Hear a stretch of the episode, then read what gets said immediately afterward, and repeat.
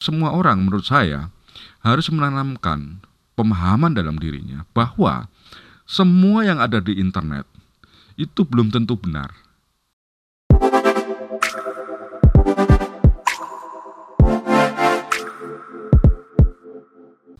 Halo pendengar dan netizen Radio Sinta di mana pun Anda berada, podcast kembali hadir untuk Anda dan uh, tema kita kali ini kita akan membahas mengenai hoax dan ujaran kebencian yang biasanya marak menjelang pemilu presiden atau kepala daerah. Itu marak biasanya. Nah bagaimana sekarang menjelang pemilu presiden, apakah sama sudah mulai bertebaran di media sosial? Nah narasumber kita kali ini adalah Mas Wicaksono alias Ndoro Kakung. Nah beliau adalah Dewan Pengarah Siberkreasi.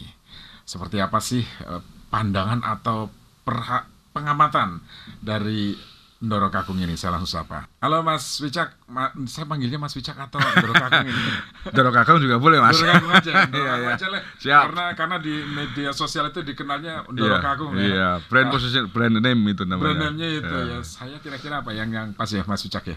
Kalau jenengan Ndoro Kakung, saya kira-kira apa ya? Eh, siapa ya? Abdi Abdi dalam ngoceh-ngocehan Ah, mungkin. Karena selalu ngoceh kan. Abdi dalam baca aja iya ya cocok. Besok saya buat itu ya.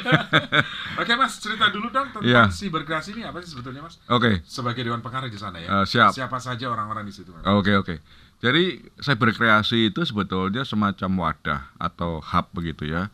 Eh, kepanjangannya sebetulnya Gerakan Nasional Literasi Digital Cyberkreasi. Wow. Jadi cyberkreasi itu semacam brandnya lah.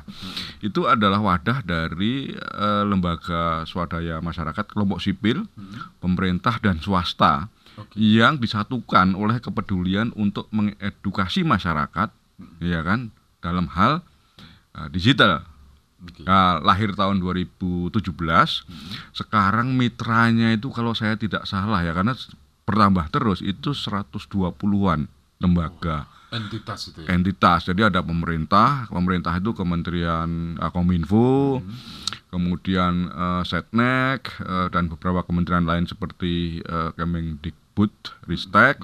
Kemudian swastanya itu platform-platform digital, ada Facebook, eh, kelompok Meta gitu ya, ada X yang eh, di Indonesia. Ke- yang sebetulnya sudah tutup karena pindah gitu. Iya, iya. Tapi eh, TikTok juga eh, kemudian eh, masyarakat sipil yang tergabung dalam misalnya ada Mavindo, ada Sejiwa, ada komunitas TIK Iya, dan iya. banyak lagi lah. Oke, Mas itu lahir se- sebetulnya apa sih yang melatar belakangi uh, siberkreasi ini lahir Hmm. dengan seluruh uh, apa, Kegiatannya. kegiatannya. Ya itu apa namanya fakta bahwa eh, tingkat literasi digital di Indonesia itu masih rendah menurut apa namanya indikator eh, internasional. Ya, Itu satu. Waktu itu eh, skornya masih sekitar 3, sekian dari 4 ininya. Kemudian eh, fakta bahwa di Indonesia ini banyak beredar itu konten-konten yang negatif. Ada ujaran kebencian, ya, ada perundungan di media sosial, ada kabar bohong, disinformasi, misinformasi dan seterusnya. Nah, oleh sebab itu mitra-mitra cyber cyberkreasi cyberkreasi itu kemudian eh, bergabung untuk bagaimana kalau kita ikut serta eh, membantu masyarakat ya dengan cara edukasi literasi digital eh, dengan bergabung dan Ya. eh, beraktivitas melakukan literasi digital gitu. Ada empat pilar yang disasar atau menjadi program kerja utama. Empat Ya. pilar literasi itu adalah yang satu cakap eh, digital, cakap digital. kemudian aman digital, kemudian bijak digital dan yang terakhir E itu etik dalam digital. Disingkat jadi cabe. Ya, Cakap, ca- aman, bukan cabe-cabean ya. Oke, jadi Eh, sorry, B-nya eh, budaya, berbudaya, Budaya, bukan berbudaya. bijak. Jadi budaya digital dan eh, etika digital, jadi disingkat. Oke. Jadi ketika harapannya ketika masyarakat sudah eh, terliterasi dengan eh, Baik. sudah baik, Ya. maka mereka tidak lagi menggunakan diksi-diksi yang memprovokasi di media sosial begitu ya. Ya, tidak hanya itu sebetulnya. Jadi dengan empat pilar tadi diharapkan kami berharap lah begitu masyarakat Indonesia itu cakap secara literasi digital itu kan eh, terliterasi lah. Iya. Jadi artinya dia mampu menggunakan gawainya, Hmm. menggunakan perangkat-perangkat lunak, memilah informasi, mengolah informasi, membedakan eh, fakta dan kabar bohong dan Iya. seterusnya dan seterusnya. Juga selalu menjaga etika dan keamanan data pribadi. Iya. Ya, itu bagian dari empat pilar tadi. Ya. Jadi tidak hanya eh, sanggup menyeleksi informasi palsu, hoax, disinformasi dan Tapi juga misinformasi. ya. Ya. Bijak, etik, berbudaya, Ya. aman. Eh, Saya ingat ketika eh, 2017 waktu itu kan polarisasi begitu sangat masif dan ini. Ya, ya, ya. 2017 kemudian 2019 Ya, betul. waktu itu ya Betul. wah ngeri betul Betul. banyak orang ditangkap-tangkapin ya. Iya. betul. Banyak orang ditangkap ya, ya, ya. Ya, Iya. waktu itu memang suasananya sedang ya puncak-puncaknya ya. Nah, itu sebabnya saya berkreasi lahir ya t- termasuk salah satunya untuk mengurangi hal yang eh, tidak baik. Yang seperti itu kan biasanya ada momen momentum Ya, betul. eh, Mbak jadi momentumnya pilkada Hmm. atau pilpres perebutan kekuasaan Betul. nah saya saya nggak tahu apakah i- mereka yang melakukan ujaran kebencian juga bagian dari itu Mm-mm. atau nggak tahu hanya simpatisan atau apa gitu Ya, kalau menurut penelitian, eh, baik misalnya teman-teman di Mahfindo, kemudian eh, di Internet Sehat eh, dan lembaga-lembaga lain ya, pelaku ujaran kebencian, pelaku penyebaran informasi yang tidak benar, disinformasi dan informasi itu ada beberapa kategori. Satu yang memang profesional, yang memang dia dibayar Ya, atau menghasilkan, uang Menghasilkan. begitu kan menghasilkan nggak enak kalau ekonomi Eh, memang pekerjaannya membuat eh, konten-konten negatif itu satu. Yang kedua eh, kelompok yang bertindak atas dasar permintaan pesanan. Kalau dalam masa pilpres pemilu begitu ya ya mungkin dari salah satu paslon atau salah satu caleg begitu untuk menyerang lawannya. Yang ketiga adalah pelaku yang apa ya istilahnya in, indirect apa tidak sebetulnya dia bukan pembuat tapi ikut menyebarkan karena tidak tahu kan. Nah eh, banyak orang-orang seperti itu yang karena kurang terliterasi, kurang melek digital, mereka menganggap bahwa konten semua konten itu positif, nah, terjebak mengedarkan itu. apalagi ini sesuai dengan afiliasi saya misalnya. Iya, preferensi, preferensi ya, maka ikut menyebarkan, menyebarkan ya, padahal itu tidak benar. tidak benar. Betul. Kemudian saya jadi korban. Itu dia. ya. Ya. Banyak akhirnya saya ditangkap kan begitu ya. Modelnya betul. seperti itu ya. Ya, jadi ada tiga pelaku utama lah ya, begitu, baik individual maupun atau perorangan maupun yang kelompok. Nah, setelah itu Mas, eh, apa kegiatan dari dari uh, berkreasi ya? Hmm. Dari 2017 terbentuk dan momentumnya ketika itu sedang tidak baik-baik saja ya di med- media sosial kita itu. Kemudian 2009 juga Hmm. mungkin puncak-puncaknya ketiga itu perebutan kekuasaan nasional gitu ya sehingga ber- berdampak pada banyaknya orang se, apa, tanpa bertanggung jawab mengujarkan kebencian dan lain sebagainya, Mas. Hmm. Terus apa literasi yang terus di caranya bagaimana? Mas? Iya, ada banyak program sebetulnya ya eh, dari saya berkreasi. Ada yang program eh, reguler, ada yang program tahunan, Hmm. Eh, ada juga program nasional dan program yang dilakukan oleh mitra-mitra secara mandiri. Hmm. eh ya utamanya literasi digital itu berbagi membuka kelas zaman pemil eh, zamannya covid kan semuanya pakai zoom kan nah itu eh, sharingnya eh, melalui zoom dengan membahas isu empat pilar tadi ada eh, cakap digital etika digital budaya digital dan eh, aman digital gitu jadi ada sekelompok atau beberapa orang yang bertugas atau ditunjuk menjadi mentor atau pembicara melakukan zoom eh, kepada kelompok masyarakat tertentu. Ya. Ada yang anak sekolah, ada yang kelompok guru, eh, ibu rumah tangga, kelompok profesional dan seterusnya. Itu setiap hari bahkan waktu itu terjadi paralel. Itu sangat intensif itu. Nah, selain itu juga ada kegiatan seperti yang dilakukan ini salah satu mitra yang paling aktif adalah Japeli di jaringan penggiat literasi digital yang terdiri dari eh, dosen-dosen yang peduli pada literasi digital. Mereka rutin membuat eh, riset survei yang kemudian dibukukan. Hmm. Itu surveinya tentang macam-macam itu, misalnya tentang judi online, tentang eh, apalagi ya waktu itu ya, tentang apa namanya pem- eh, bullying, perisakan di media sosial. Sosial.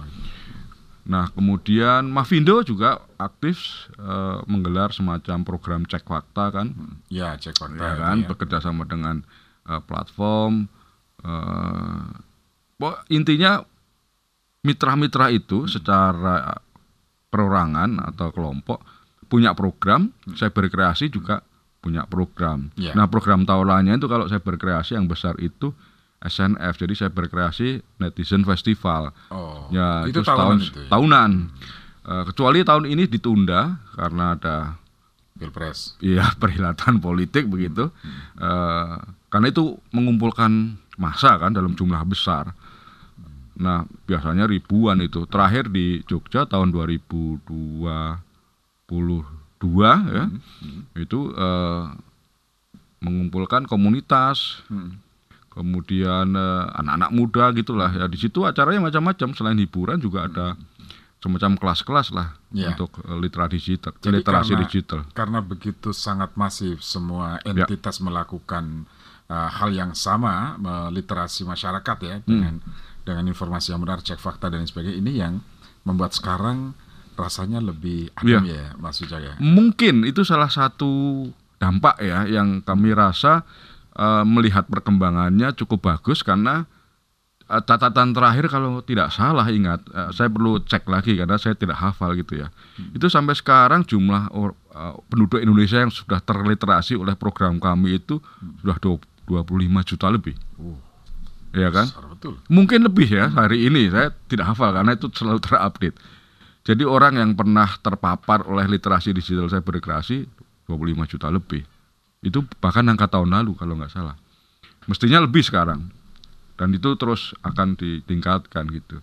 Tapi kami merasa masih kurang gitu kan? Kurang karena ung- mungkin orang sudah terpapar oleh literasi digital tapi pemahamannya belum cukup kuat Hmm. Iya kan? Nah, itu belum ada ukur. Jadi kami terus mengevaluasi program-program eh, sekaligus dampak jangka panjangnya, jangka pendek eh, kepada para peserta literasi supaya indeks eh, makin naik gitu. Ya. Nah sekarang kan jumlah masyarakat kita yang menggunakan handphone gadget itu kan besar banget. Iya, iya, iya. Iya. Yang mengakses internet, Internet. itu kan eh, jumlah pengakses internet di Indonesia kan 200 juta lebih ya. Ya. Ar- mayoritas memakai Iya. eh, gawai, semua, gawai iya, semua ya. ponsel. Nah ini kan apa ya sangat strategis sekali Iya. eh, untuk me- ap- apa pun ya kepentingan apa pun digunakan untuk mendoktrin dan lain sebagainya melalui eh, medsos dan lain Iya. sebagainya. Ini tantangan banget buat teman-teman siber kreasi Iya. bentengin ya, Iya, bentengin masyarakat nih supaya nggak mudah terprovokasi, nggak mudah Betul, terhasut dan lain betul. sebagainya. Nah itu tantangan tersendiri atau memang secara rutin terus dilakukan Ya. dengan berbagai cara. Betul. Setiap tahun kan kami melakukan evaluasi mana program yang belum sempurna disempurnakan, yang belum optimal dioptimalkan, yang belum efektif diefektifkan, termasuk merancang program-program apa yang lebih eh, bisa masuk ke masyarakat. Oke. Salah satu eh, yang menjadi concern belakangan terakhir ini kan kepedulian atau isu, ada isu besar. Apa itu isu besar? Ju- Judi online dan pinjaman online. Oh, Jadi literasi digital, eh, literasi keuangan yang berbasis literasi digital begitu. di situ banyak korban soalnya ya. Banyak Banyak korban. Eh, temuan dari Japelidi itu eh, 65% responden itu pernah menjadi korban eh, judi online, Judi online. eh, kemudian pinjaman online, termasuk penipuan online. Iya. Nah itu kan banyak banget. Nah oleh sebab itu kami juga perlu memetakan ini siapa saja korbannya. Kemudian juga mengenali modus-modus para penipu itu seperti apa.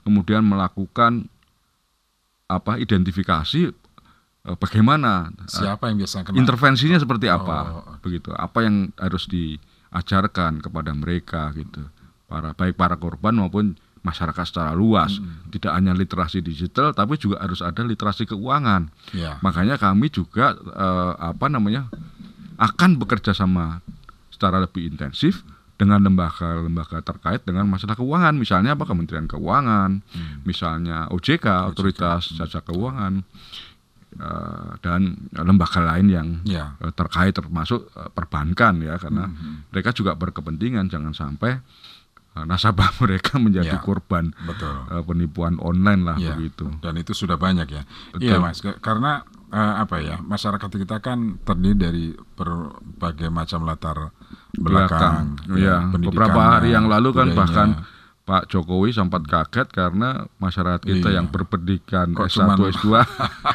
hanya sedikit yang, Iya. yang lain pendidikan dasar. kita kalah dengan Malaysia dan Betul, sebagainya ya. betul. Nah ini kan tantangan banget. Nah ini Betul. termasuk juga untuk teman-teman cyberkreasi betul tadi memetakan ya karena em, apa latar belakang pendidikan yang berbeda, budayanya berbeda, cara penerimaannya juga berbeda. Ini jadi tantangan banget. Oke, eh, Ndoro Kakung sekarang di Pilpres 2024 ini bagaimana eh, Ndoro Kakung melihat Hmm. interaksi para pengguna media sosial di Jakarta Maya nih, eh, Ya. Ndoro Kakung? Saya melihat bahwa media sosial masih menjadi salah satu kanal atau media yang dipakai oleh para politisi untuk keperluan-keperluan mereka. Eh, itu satu. Yang kedua, masyarakat juga masih mengandalkan media sosial sebagai sarana untuk mencari informasi tentang berita-berita politik, kabar politik dan seterusnya. Di semua kalangan eh, atau segmen usia itu punya kanal favorit, misalnya Gen Z begitu kanal favorit untuk mencari informasi di TikTok. Instagram begitu. Sementara yang golongan kolonial seperti kita kan masih mengandalkan Facebook Ah, misalnya. Facebook misalnya gitu. Nah, fakta itu atau eh, fenomena itu kan dibaca oleh para peserta eh, mereka yang berkepentingan dengan itu. ya. mereka yang berkepentingan dengan dunia politik di mana sih iya, apa namanya pasar berada, di mana audiens berada, bagaimana petanya penggunaan itu, kemudian bagaimana melempar pesan, formatnya seperti apa, itu kan sangat dimanfaatkan dan itu memang terlihat di media sosial. Nah, kita juga jangan lupa bahwa di Manila, Filipina, Hmm. itu kan presiden yang terpilih Bongbong itu sangat intensif menguasai ah, memanfaatkan ah, media sosial gitu dan ini sebetulnya sudah diawali dulu oleh eh, Obama ketika naik jadi Ya. presiden di Amerika ketika dia sangat intensif menggunakan Facebook nah apa yang sudah terjadi sebelum ini itu terus dilakukan sampai hari ini yaitu memanfaatkan media sosial untuk menyebarkan pesan politik untuk mengubah popularitas menjadi elektabilitas, Mm-mm. ya kan? Eh, termasuk di situ. Cukup efektif ya, eh, Kakung. Ya, ya, ya. Sejarah sudah membuktikan kan dari Obama sampai eh, presiden eh, di Filipina, ya. mungkin juga di sini juga sangat apa namanya terlihat bahwa penggunaan media sosial untuk amplifikasi isu-isu politik juga sangat efektif Ya. bahkan untuk apa namanya mengawasi pemerintah memonitor pemerintah itu juga ya. efektif kan untuk mengubah kebijakan publik dan seterusnya saya kira media sosial Ya, eh, sangat cukup- efektif ya. Cukup efektif ya. banyak Jadi- contohnya lah begitu Iya, kan jadi nggak heran kalau eh, dalam beberapa waktu belakangan ini ada capres cawapres misalnya yang menggunakan media sosial untuk berinteraksi dengan para para eh, pendukungnya gitu ya. sangat normal bahkan saya kira semuanya lah semua paslon Mm-mm. uh, presiden dan calon uh, presiden memakai caleg memakai nah yang menarik adalah ini yang berbeda dari yang dulu Apa itu mas? mulai pemilu tahun ini terlihat bagaimana mereka itu menggunakan artificial intelligence Ah, ini yang berbeda dari ini yang berbeda, yang tidak Iya, atau iya, belum terlihat pada pemilu iya. sebelumnya. Sehingga orang yang sudah meninggal pun dihadirkan gitu ya. Bisa. Jadi bahkan ada perusahaan yang menyediakan gitu ya. Kalau ada caleg yang kamu daripada pasang baliho, pasang spanduk nggak efektif, kamu bikin aja profilnya, avatarnya dengan Iya. AI gitu. Iya. Wajah yang kurang baik jadi lebih baik, yang Iya, kurang iya. cantik lebih cantik, yang kurang ganteng seperti saya bisa lebih ganteng gitu kan. Pakai AI jadi untuk bahan kampanye. Dan dia bisa bicara di situ ya dengan Betul. AI itu ya. Dan itu bisa diedarkan karena bentuknya konten digital itu lebih mudah disebarkan lewat media digital. Saya sudah lihat yang caleg satu, satu ada. Wah banyak mas, Iya saya baru lihat satu banyak. doang. Karena Ternyata- perusahaan Oh. yang menyediakan eh, apa namanya layanan eh, avatar AI atau ya human apa namanya itu human AI, ah, hum, apa istilahnya meta human, Meta. meta human, avatar, eh, pokoknya wajah-wajah Ya. artificial intelligence atau kecerdasan buatan itu penyediaannya banyak itu artinya pasarnya lumayan Pasarnya besar, lumayan besar. iya kan Apalagi momentumnya ya betul sekarang ya. dan mereka aktif mengiklankan diri di media sosial juga kalau siapa kamu mau jadi nyalek di mana Jadi yang kelihatan tua bisa dibikin muda gitu ya. dulu kan cuma dulu kan cuma pakai filter kan Iya, iya. kan sekarang udah pakai metahuman gitu Iya iya iya. Wah udah canggih-canggih lah. Tapi itu juga mengandung apa namanya eh, tantangan juga. Itu yang manfaat positifnya. Manfaat negatifnya kan banyak. Hmm, apa itu mas? Salah satunya yang kemarin kejadian adalah ada satu media besar Mm-mm. dengan anchor terkenal gitu ya mewawancari seolah-olah mewawancarai dua anak muda gitu ya. Itu diganti dubbing suaranya diganti dengan promosi judi online. Hmm, oh iya iya. Iya, kan? Kecolongan di situ. Kecol- ya, jadi yang kecolongan bukan si medianya gitu. Tapi orang mengira, loh ini media kok promosi media eh, Judi judi online. gitu. Bahkan medianya tidak tahu bahwa dia sudah direkayasa oleh para apa namanya pejudi online gitu ya. Eh, diubah suaranya Wa- wawancara seperti ini wawancara bener ada tapi suaranya keluar diubah. suaranya, yang iya. suara eh, pertanyaan soal manfaat judi online gimana cara judi online begitu Iya. iya. kalau orang yang tidak tahu mengira ini konten yang valid. konten valid dan itu benar karena Itu ada orang yang wawancara dan ada orang yang Kemarin diwawancara. sempat beberapa jam itu orang sempat bereaksi negatif terhadap media tersebut. Tapi kemudian ada yang menjelaskan, oh itu AI, itu deepfake, Hmm. Jadi dirubah, diganti, diganti suaranya. suaranya, diedit, dipotong-potong videonya. Canggih sekarang. Kan kita lihat juga beredar Presiden Jokowi pidato dalam bahasa Cina. Iya. Iya kan? Waktu Kemudian nggak terima Ah. yang lainnya dirubahin loh bahasa Arab gitu ya. Ah, itu AI. Nah ini baru tampak pada periode pemilu tahun ini.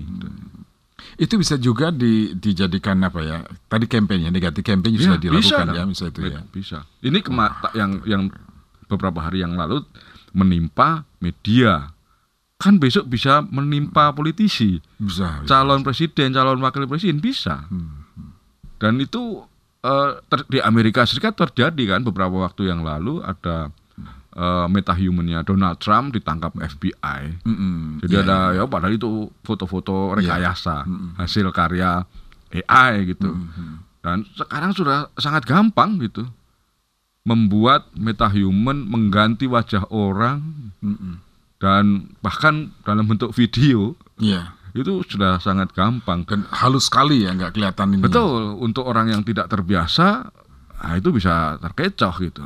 Oleh sebab itu kami di saya berkreasi juga mulai melirik, mulai beberapa kali gitu, gitu melakukan edukasi gitu ya tentang satu perkembangan AI sampai hari ini seperti apa, kemampuan dan keterbatasannya, sehingga masyarakat harus merespon seperti apa. Kami juga berbicara dengan Kementerian Kominfo begitu ya untuk melakukan sesuatu gitu. Karena AI ini sebagai teknologi tidak bisa dibendung dan tidak perlu dibendung juga, Iya. ya kan? Karena dia juga bermanfaat untuk banyak hal. Tapi ada hal-hal yang mungkin perlu diwaspadai, seperti beredarnya konten-konten yang direkayasa dan itu sifatnya negatif. Begitu. Ini uh, masyarakat harus bersiap dengan uh, perkembangan uh, teknologi Ya. informasi seperti itu ya. Siapnya harus seharusnya tahun lalu. Seharusnya tahun lalu. Siapnya tahun lalu. Tapi lebih baik terlambat daripada enggak dong. Betul, Oke, Ndoro Kakung kita eh, break sejenak nanti Oke. kita lanjut di segmen berikutnya. Pendengar perbincangan dengan Ndoro Kakung semakin menarik karena memang ada yang berbeda dibandingkan tahun lalu pada kampanye-kampanye Pilpres atau Pileg di mana para politisi sudah menggunakan artificial intelligence yang sudah eh, banyak kita saksikan bertebaran di media sosial. Bagaimana kita mengantisipasi supaya itu juga tidak membuat masyarakat menjadi gamang. Nah, cek fakta juga penting dilakukan tadi sudah disinggung oleh Ndoro Kakung. Nanti seperti apa yang efektif untuk dilakukan sehingga kita tidak menjadi korban itu. Tetaplah bersama kami.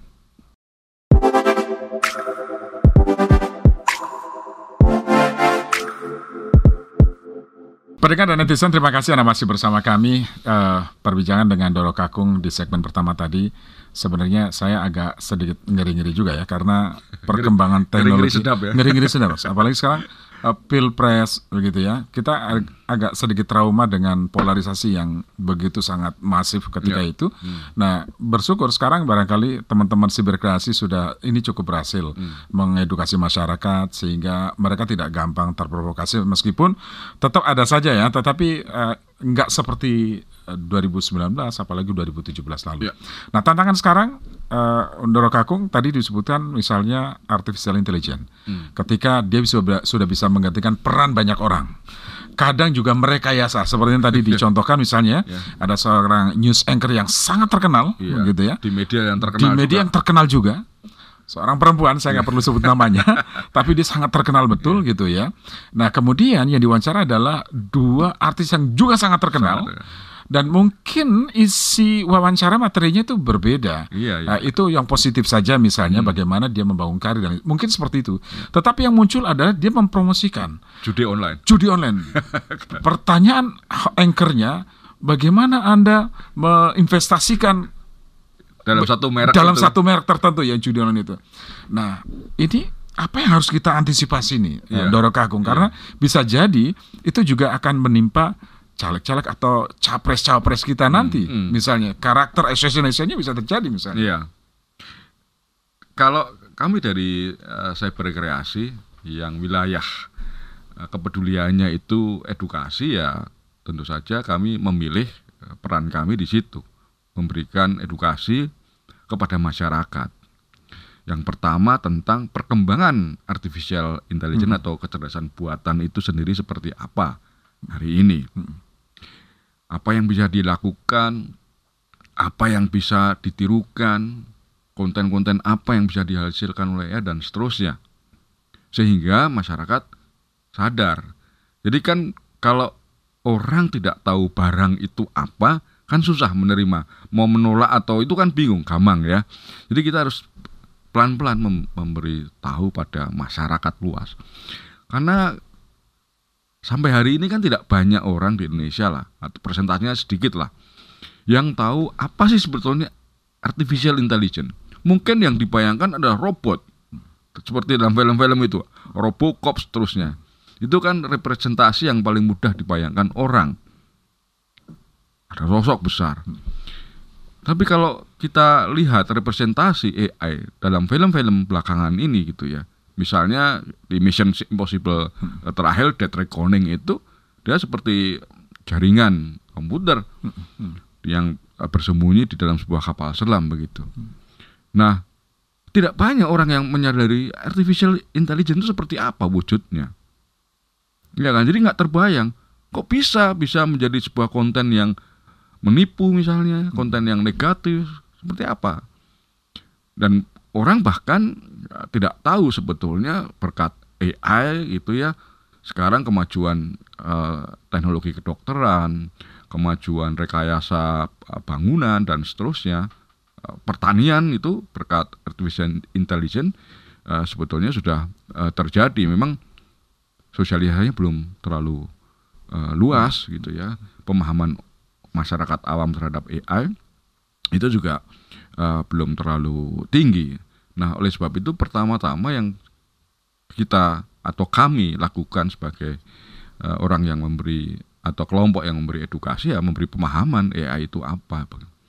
Selanjutnya bagaimana masyarakat harus menghadapi ya perkembangan teknologi yang tidak bisa dilawan dan tidak perlu dilawan seperti itu. Apa yang harus dilakukan seandainya ada konten begitu ya. Bahkan sekarang kan ada televisi dan menggunakan penyiar Iya, radio juga. Radio, radio juga. juga. Ya kan? Jadi sudah sudah di Sudah di- digunakan di- itu digunakan sekarang. secara uh, luas di media pun gitu. Nah, oleh sebab itu masyarakat harus bersikap seperti apa? Yang pertama sebetulnya itu sikap yang ditanamkan sejak dini tanpa perlu tahu lebih detail atau dalam tentang uh, AI adalah sikap. Jadi semua orang menurut saya harus menanamkan pemahaman dalam dirinya bahwa semua yang ada di internet itu belum tentu benar sampai terbukti sebaliknya. Artinya harus ada keraguan, skepticism pada diri setiap setiap orang. Setiap kali melihat ada konten, konten apa pun lah, dari lembaga mana pun, kita harus harus skeptis. Mau lembaga resmi, tidak resmi, otoritas resmi maupun tidak resmi, kita harus setiap kali kita terima tahan dulu nafas. Minum beberapa teguk air dingin gitu kan. Lalu apa yang harus Supaya dilakukan? otaknya dingin, iya, terprovokasi, supaya kita tidak terprovokasi, Ah. tidak mudah iba, tapi Iya. juga tidak mudah jadi benci, Iya. begitu. Harus dicek dengan sumber lain. Oke, benarkah otoritas ini mengeluarkan satu kebijakan? Oh, ternyata menurut otoritas resmi yang lain dan sudah kredibel, oh memang ada. Oh, berarti betul otoritas ini mengeluarkan kebijakan itu. Sebaliknya kalau ada konten negatif yang melihat, oh si itu ternyata begini, si itu ternyata begitu. Nah, itu juga harus tahan dulu, begitu kan? Harus kita uji apakah informasi itu valid atau tidak dengan cara bagaimana? Ya kan semuanya ada di tangan kita kan. Kita harus bisa menggunakan eh, gawai smartphone untuk mengecek informasi itu eh, diuji silang dengan sumber yang lain sesuai atau tidak. Jadi pertama-tama sikap itu yang paling mudah. Jadi kalau kita sebagai anggota grup WA keluarga pun gitu kan, Iya, itu juga harus begitu tahan dulu. Hmm. Belakangan ini ada perkembangan menarik sebetulnya bagi saya pribadi lingkungan saya kecil, eh, ling- lingkungan terdekat saya di grup WA keluarga itu tahun lalu nyaris tidak sampai satu persen dari total konten WA yang menye- kabar isinya kabar bohong. Karena diskusi tentang kabar bohong itu begitu intensif Hmm. pada masa-masa sebelumnya. Iya. Sehingga sepanjang tahun lalu itu hampir tidak ada konten bohong, konten uh, hoax atau disinformasi-informasi yang disebar. Bahkan sekarang menjadi sering kali saya misalnya itu sering menjadi tempat mas apa tempat bertanya ini benar atau tidak. Ini sebetulnya bagaimana gitu. Ini buat saya pribadi ini di lingkungan terdekat saya ya kita tidak Iya, uh, di lingkungan yang luas gitu. Itu buat saya ini perkembangan menarik yang positif hal yang positif ya. yang karena sangat positif. dia menanyakan dulu gitu Betul. ya. Hmm. Itu kan berarti muncul kesadaran. Nah, saya berharap ini makin banyak orang, makin kesadaran yang yang yang sama itu makin banyak orang yang punya, makin luas gitu ya. Eh, dan syukur-syukur juga lebih ditingkatkan lagi kepada keterampilan-keterampilan misalnya tadi mengenali ini konten artificial intelligence atau tidak. Tapi buat saya ini perkembangan yang saya sangat menarik dan itu selaras dengan pertanyaan kenapa sekarang agak turun intensitas ininya pertarungan di media sosial tidak banyak lagi orang yang ditangkap ya kan? Iya, iya. mungkin ada buah gitu. Ini masih panjang perjalanan tapi satu langkah kecil kan sudah dimulai. Iya, sudah mulai terlihat hasilnya. Betul, betul. ibarat benih itu mulai tumbuh gitu. Iya. iya kan? Tunas-tunasnya akan berharap menjadi besar. Dan saya kira kalau ini gerakan terus dikampanyekan secara terus menerus mungkin di ke depan kita juga akan melihat masyarakat yang lebih kuat lebih Iya. tangguh Iya. menghadapi konten-konten negatif Meskipun memang perkembangan eh, teknologi informasi begitu sangat cepat dan pesat oh betul ya. betul ya, betul intelligence dan lain sebagainya. Nah, eh, saya saya agak tertarik dengan yang tadi eh, artificial intelligence eh, yang eh, kecerdasan buatan tadi Hmm. yang sudah mulai digunakan untuk kampanye untuk menghadirkan orang yang sudah meninggal pun dihadirkan Ya, ya. gitu kan. Kemarin misalnya ada salah satu partai politik yang menghadirkan Ya, ya. sosok mantan presiden begitu Betul, yang sudah eh, meninggal gitu. Betul, ya. betul. Kemudian dihadirkan kembali seperti itu. Nah, eh, kemudian tadi ada host yang ternyata nah suaranya dirubah Ya, sama sekali ya. betul. Isinya dirubah, suaranya sama ya. Ya. Tapi dia ngambil contohnya mungkin kemudian di ini ya. Nah, pesannya di dirubah total Ubah semuanya total. ya. Ada nggak sih misalnya itu juga bisa terjadi pada capres-capres kita? Oh sangat bisa mas, sangat bisa. Itu bahkan ini kalau di dunia hiburan itu John Lennon kan hidup lagi. Iya, iya. ya viral itu kemarin rekaman John Lennon dan eh, Paul McCartney dan eh, beberapa teman Beatlesnya dengan Kalau di Indonesia ada Melly Guslo, Melly ya, Guslo dan dengan Nika Ardila, Ardila, gitu ya, itu kan? juga ya. Nah, itu sudah terjadi, istilahnya secara fenomena teknologi itu sudah terjadi, sudah itu yang ada digunakan secara positif ya. secara Itu- positif, itu ya. betul. Nah, kalau itu bisa digunakan untuk menghadirkan penyanyi yang sudah tidak ada lagi, tentu dia akan bisa menghadirkan siapa pun. Entah polisi yang sudah politisi yang tidak ada lagi, tokoh yang sudah tidak ada lagi, atau memunculkan tokoh baru yang entah siapa kita nggak pernah tahu. Kan bisa saja itu apa namanya muncul tiba-tiba ada sosok yang apa namanya seolah-olah betul gitu ya valid, padahal dia adalah metahuman. Dan itu di Instagram itu banyak metahuman berbentuk perempuan-perempuan seksi menjadi influencer mendapatkan endorse apa sponsorship dari barang gitu ya. Followernya banyak. Padahal itu metahuman. itu nggak nyata. itu makhluk astral. Namanya metahuman. Iya, iya. Dia iya. punya account diikuti ratusan ribu pengikut mendapatkan kontrak kerja dari brand-brand besar. Hmm. Itu sudah terjadi. Jadi inilah yang harus diantisipasi oleh capres-capres ini ya. Ya tidak hanya mereka tapi juga kan- masyarakat kan. Iya, masyarakat. Tetapi kalau kita bicara dalam konteks capres-capres karena kita khawatir juga nih Mbak, eh, ada ada kampanye-kampanye negatif yang dilakukan mungkin bukan di antara mereka Ya. dari luar misalnya. Ya, ya. Ya kan untuk misalnya eh, eh, Ma- Mbak Ndoro Kakung 01, saya 02, si satunya lagi Faris 03 Nah, 03, misalnya ya. kan. Saya tidak pernah bicara apa-apa tentang Ya, ya. eh, eh, 02 misalnya, Mhm. tapi seakan-akan dalam sebuah wawancara Ya. saya menghakimi 0 habis-habisan misalnya ya. Begitu juga 01 dan 03 begitu Ya, ya. ya, ya, betul. Ini yang harus di diantisipasi Ya, ya. maksudnya. Betul. Ndoro Kakung. Saya kira kalau di tingkat mereka ya para paslon itu ada pengetahuan dan kesadaran itu. Ah, Minimal di timnya. Tim sukses lah, tim apa namanya? tim kerjanya ada orang-orang yang paham. Mereka itu. paham ya. Paham. Tapi Paham ada perkembangan teknologi perkembangan seperti itu, bagaimana membuatnya dan seandainya terjadi apa yang harus dilakukan. Saya lebih khawatir masyarakatnya. Nah itu maksud saya Kan, Para pendukungnya simpatisan Itu dia. Ya kan? itu kan eh, bukan peluru kendali tapi peluru yang tidak terkendali. Nggak bisa dilihat juga Tahu-tahu Iya. ada gerakannya Ah, gitu ya peluru yang tidak terkendali itu.